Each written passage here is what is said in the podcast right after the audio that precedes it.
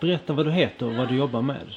Hej, jag heter Mattias Miksche och jag är VD på Stardoll som är en av världens största tjejsajter där tjejer mellan ja, ungefär 8 och 17 år eh, leker med virtuella dockor.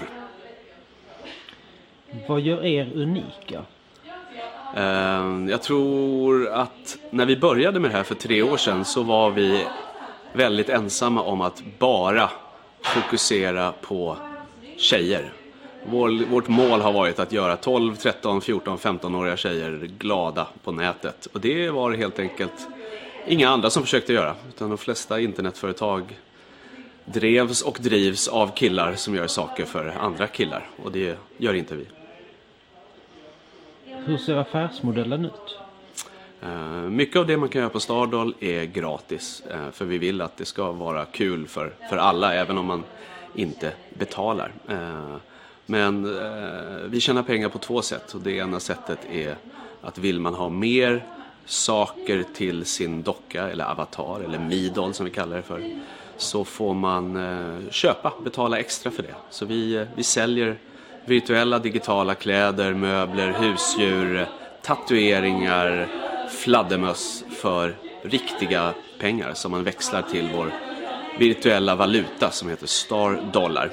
Det är vår egna intäktskälla. Eh, sen har vi råkat bli så stora att vi i vissa marknader har börjat sälja eh, reklam också. Så att vi har försäljningskontor i USA och i England. Vad inspirerades du av när du började jobba med detta?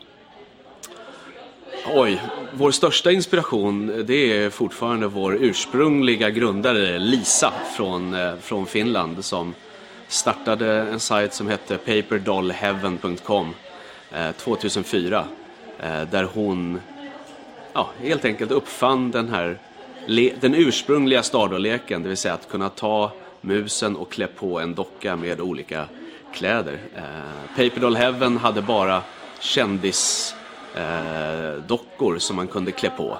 Eh, vi vidareutvecklade det sen till att man gör sin egen docka och har sitt eget rum. Men eh, den, den, ursprungliga leken är fortfarande 98% av magin med, med Stardoll. Så att Lisa är vår absolut största inspirationskälla. Förutom våra användare såklart.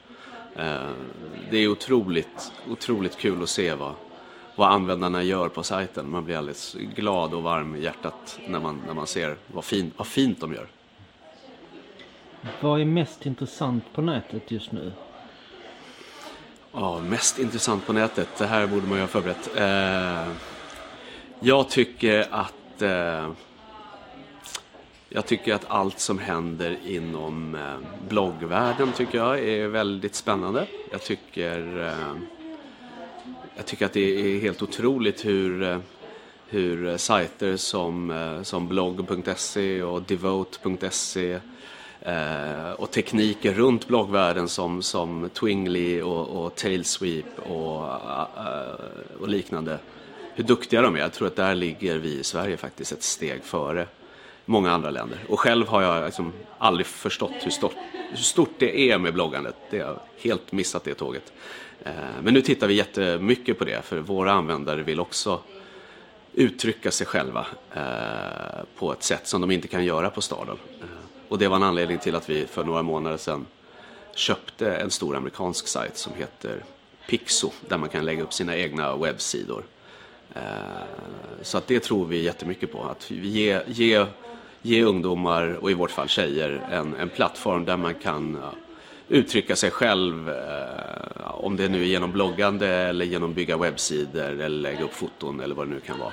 Men det är något man inte kan göra på, på Stalon. För Stalon finns det jättemycket kvar att göra. Vi, vi har listor på hundratals saker som våra användare kräver av oss och vill, vill ha. Så att, eh, den, driver nästan, den utvecklingen driver våra användare vidare åt oss skulle jag vilja säga. Eh, vad är det mer som är kul på nätet? Eh, man vill ju vara lite lokal, lokalpatriot. Eh, och det, man blir ju alldeles varm i hjärtat eh, av stolthet eh, när man tänker på några av våra gamla kollegor här på Stadol som, som eh, startade en, en, eh, en liten nischsajt som heter Spotify. Eh, de är vi väldigt, väldigt stolta över.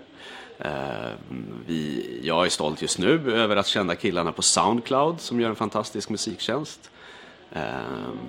Så jag tror det känns också som musik. Musik är något som äntligen håller på att bli riktigt, riktigt bra på nätet efter ganska många år av eh, harvande i träsket.